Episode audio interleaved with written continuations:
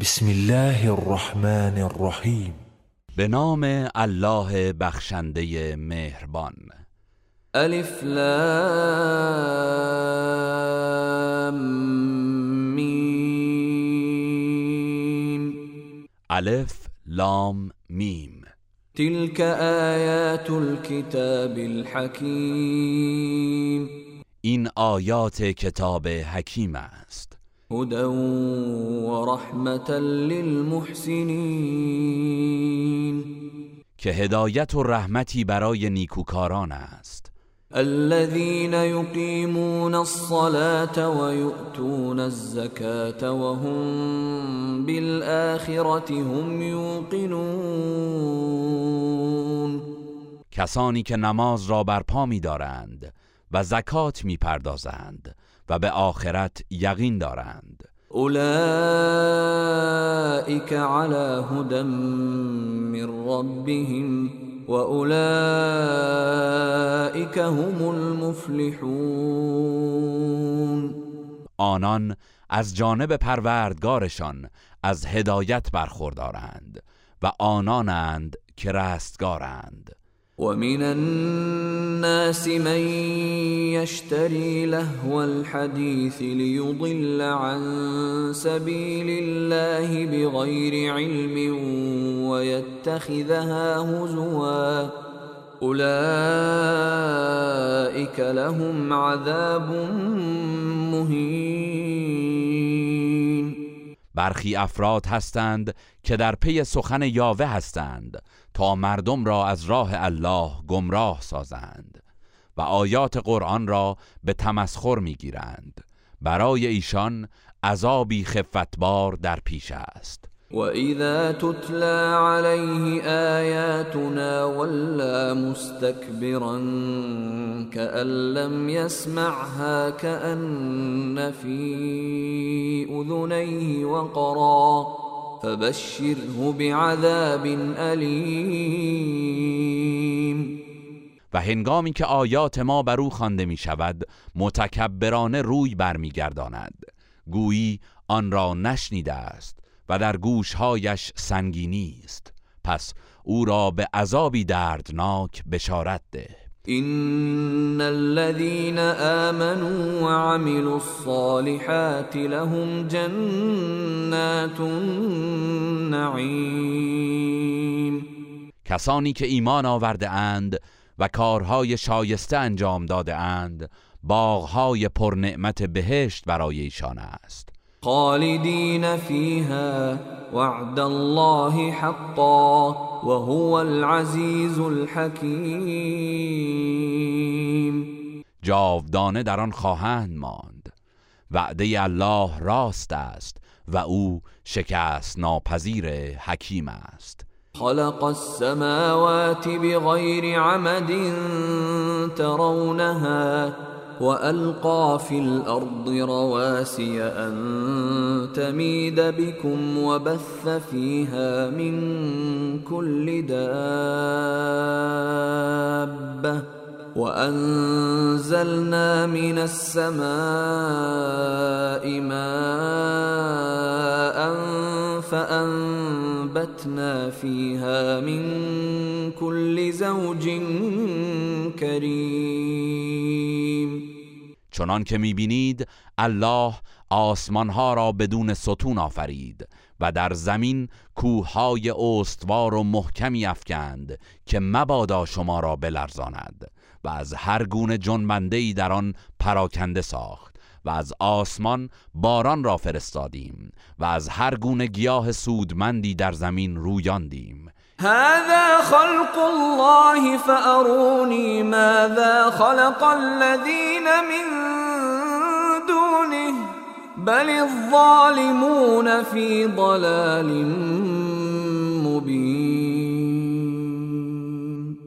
این آفرینش الله است.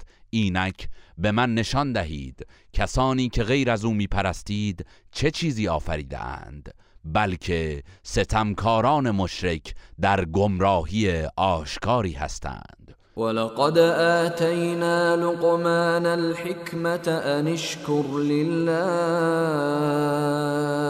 ومن يشكر فإنما يشكر لنفسه ومن كفر فإن الله غني حمید. ما به لغمان دانش فهم دین بخشیدیم و به او گفتیم که شکر الله را به جای آور. پس هر که شکر کند تنها به سود خیش شکر کرده است و هر که ناسپاسی کند پس بداند که بی تردید الله بی نیاز ستوده است. وإذ قال لقمان لابنه وهو يعظه يا بني لا تشرك بالله إن الشرك لظلم عظيم.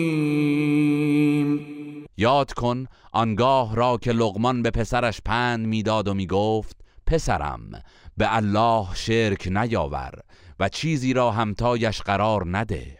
بیگمان شرک ستم بزرگی است. و وصینا الإنسان بوالديه حملته أمه وهنا على وهن وفصاله في عامين.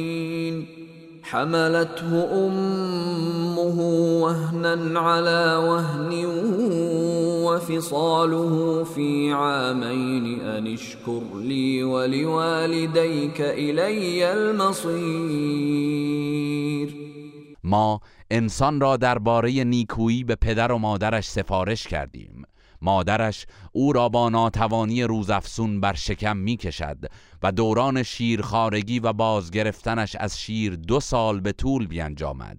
به او گفتیم که شکر من و پدر و مادرت را به جای آور که بازگشت همه شما به سوی من است. و این جاهداك على ان تشرك بی ما ليس لك به علم فلا تطعهما فلا تطعهما وصاحبهما في الدنيا معروفا واتبع سبيل من اناب الي.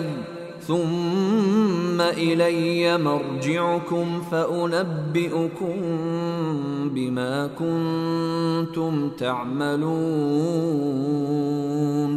و اگر آن دو مشرک باشند و تلاش کنند که تو چیزی را که نمی‌شناسی شریک من قرار دهی پس از آنان اطاعت نکن و در دنیا با آنان به شایستگی و نیکویی رفتار کن و از راه کسی پیروی کن که موحدانه به سوی من باز آمده است. آنگاه بازگشت همه شما به سوی من است. پس شما را از آن چه انجام می‌دادید آگاه می کنم يا بني إنها إن تك مثقال حبة من خردل فتكن في صخرة فتكن في صخرة أو في السماوات أو في الأرض يأت بها الله. إن الله لطيف خبير.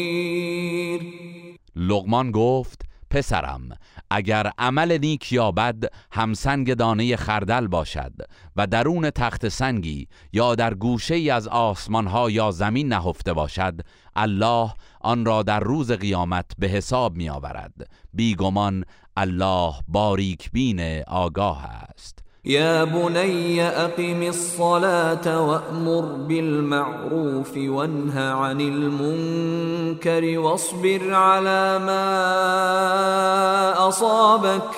إن ذلك من عزم الأمور.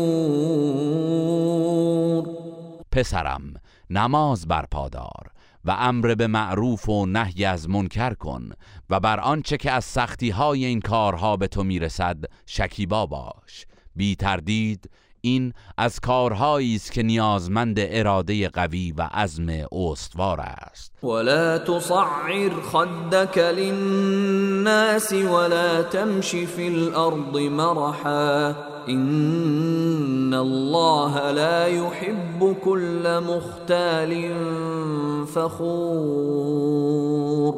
و با بی از مردم روی نگردان و مغرورانه در زمین راه نرو بیگمان الله هیچ متکبر فخر فروشی را دوست ندارد. وقصد فی مشیک واغضض من صوتک این انکر الاصوات لصوت الحمیر.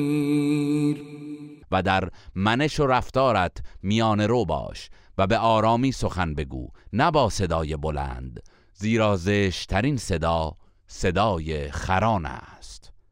ألم تروا أن الله سخر لكم ما في السماوات وما في الأرض وأسبغ عليكم نعمه ظاهرة وباطنة ومن الناس من يجادل في الله بغير علم ولا هدى ولا كتاب منیر آیا ندیدید که الله آنچه را که در آسمان ها و زمین است به خدمت شما گماشته و نعمتهای آشکار و پنهان خیش را به فراوانی بر شما ارزانی داشته است؟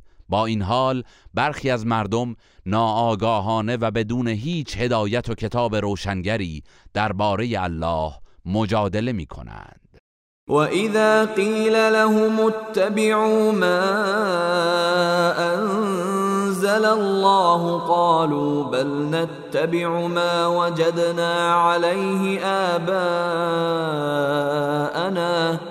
اولو كان الشیطان يدعوهم الى عذاب السعیر و هنگامی که به آنان گفته می شود از آنچه الله نازل کرده است پیروی کنید می‌گویند نه. بلکه از چیزی پیروی می کنیم که نیاکان خود را بر آن یافتیم. آیا اگر شیطان آنان را به سوی عذاب آتش سوزان دعوت کند باز هم از نیاکانشان پیروی می کنند؟ و من یسلم وجهه الى الله وهو محسن فقد استمسك بالعروة الوثقى والى الله عاقبت الامور هر که وجود خیش را خالصانه تسلیم الله کند و نیکوکار باشد در حقیقت به دستاویز محکمی چنگ زده و سرانجام همه کارها به سوی الله است. ومن كفر فلا يحزنك كفره. إلينا مرجعهم فننبئهم بما عملوا. إن الله عليم بذات الصدور. هر که کافر شود کفرش نباید تو را غمگین سازد. بازگشت آنان به سوی ماست. آنگاه ایشان را از آن چند انجام داده اند آگاه خواهیم کرد. بی تردید الله از راز دلها آگاه است. نمتعهم قلیلا ثم نضطرهم الى عذاب غلیظ. آنان را اندکی از نعمتهای دنیا بهرهمند می‌سازیم. آنگاه به تحمل عذابی سخت وادار می‌کنیم. ولئن سألتهم من خلق السماوات والارض ليقولن الله. قل الحمد لله بل اكثرهم لا يعلمون. و اگر از مشرکان بپرسی چه کسی آسمان ها و زمین را آفرید؟ مسلما می‌گویند الله. بگو حمد و ستایش مخصوص الله است که شما را از این حقیقت آگاه نمود بلکه بیشترشان نمی‌دانند. لله ما فی السماوات والارض ان الله هو الغنی الحمید آنچه در آسمان ها و زمین است از آن الله است. بیگمان الله بینیاز ستوده است. ولو ان ما في الارض من شجره اقلام والبحر يمده من بعده سبعة أبحر ما نفدت كلمات الله. إن الله عزيز حكيم. اگر همه درختان روی زمین قلم شود و دریا مرکب گردد و هفت دریای دیگر به مدد آن بیاید سخنان الله پایان نمییابد. بی تردید الله شکست ناپذیر حکیم است. ما خلقكم ولا بعثكم إلا كنفس واحده این الله سمیع بصیر ای مردم آفرینش و برانگیختن شما در قیامت. از لحاظ سهولت همچون آفرینش و برانگیختن تنها یک نفر می باشد بیگمان الله شنوای بیناست. ألم تر أن الله يولج الليل في النهار ويولج النهار في الليل وسخر الشمس والقمر وسخر الشمس والقمر كل يجري إلى أجل مسمى وأن الله بما تعملون خبير. آیا ندیدی که الله در تابستان از شب میکاهد و بر روز میافزاید و در زمستان از روز میکاهد و بر شب میافزاید؟ و خورشید و ماه را به خدمت انسان گماشته است که هر یک تا زمانی معین در مدار خود روان باشند. به راستی که الله از آن چه انجام می‌دهید آگاه است. ذلك بأن الله هو الحق وأن ما يدعون من دونه الباطل وأن الله هو العلي الكبير. این تقدیر و تدبیر بدان سبب است که الله حق است و آنچه به جز او می‌خوانند همه باطل است و به راستی الله است که بلند مرتبه و بزرگ است. الم تر ان الفلك تجري في البحر بنعمت الله ليريكم من آياته این فی ذلك لآیات لكل صبار شکور. آیا ندیدی که کشتی ها به فرمان و نعمت الله در دریا روانند تا او برخی از نشانه های خیش را به شما بنمایاند؟ بیگمان در این امر برای هر شکیبای سپاسگزار نشانه هایی از قدرت و لطف پروردگار است. وإذا غشيهم موج كالظلل دعوا الله مخلصين له الدين. دعوا الله مخلصين له الدين فلما نجاهم إلى البر فمنهم مقتصد وما يجحد بآياتنا إلا كل ختار کفور و آنگاه که امواج کوه پیکر دریا آنان را احاطه می کند الله را با اخلاص می خوانند. اما هنگامی که آنان را به خشکی میرساند و از خطر غرق شدن میرهاند برخی از ایشان میان روی پیش می‌گیرند و چنان که باید سپاسگزاری نمی کنند در حالی که برخی دیگر ناسپاسی می کنند و آیات ما را کسی جز پیمان شکنان ناسپاس انکار نمی کند یا ایها الناس اتقوا ربكم واخشوا یوما واخشوا يوما لا يجزي والد عن ولده ولا مولود هو جاز عن والده شيئا.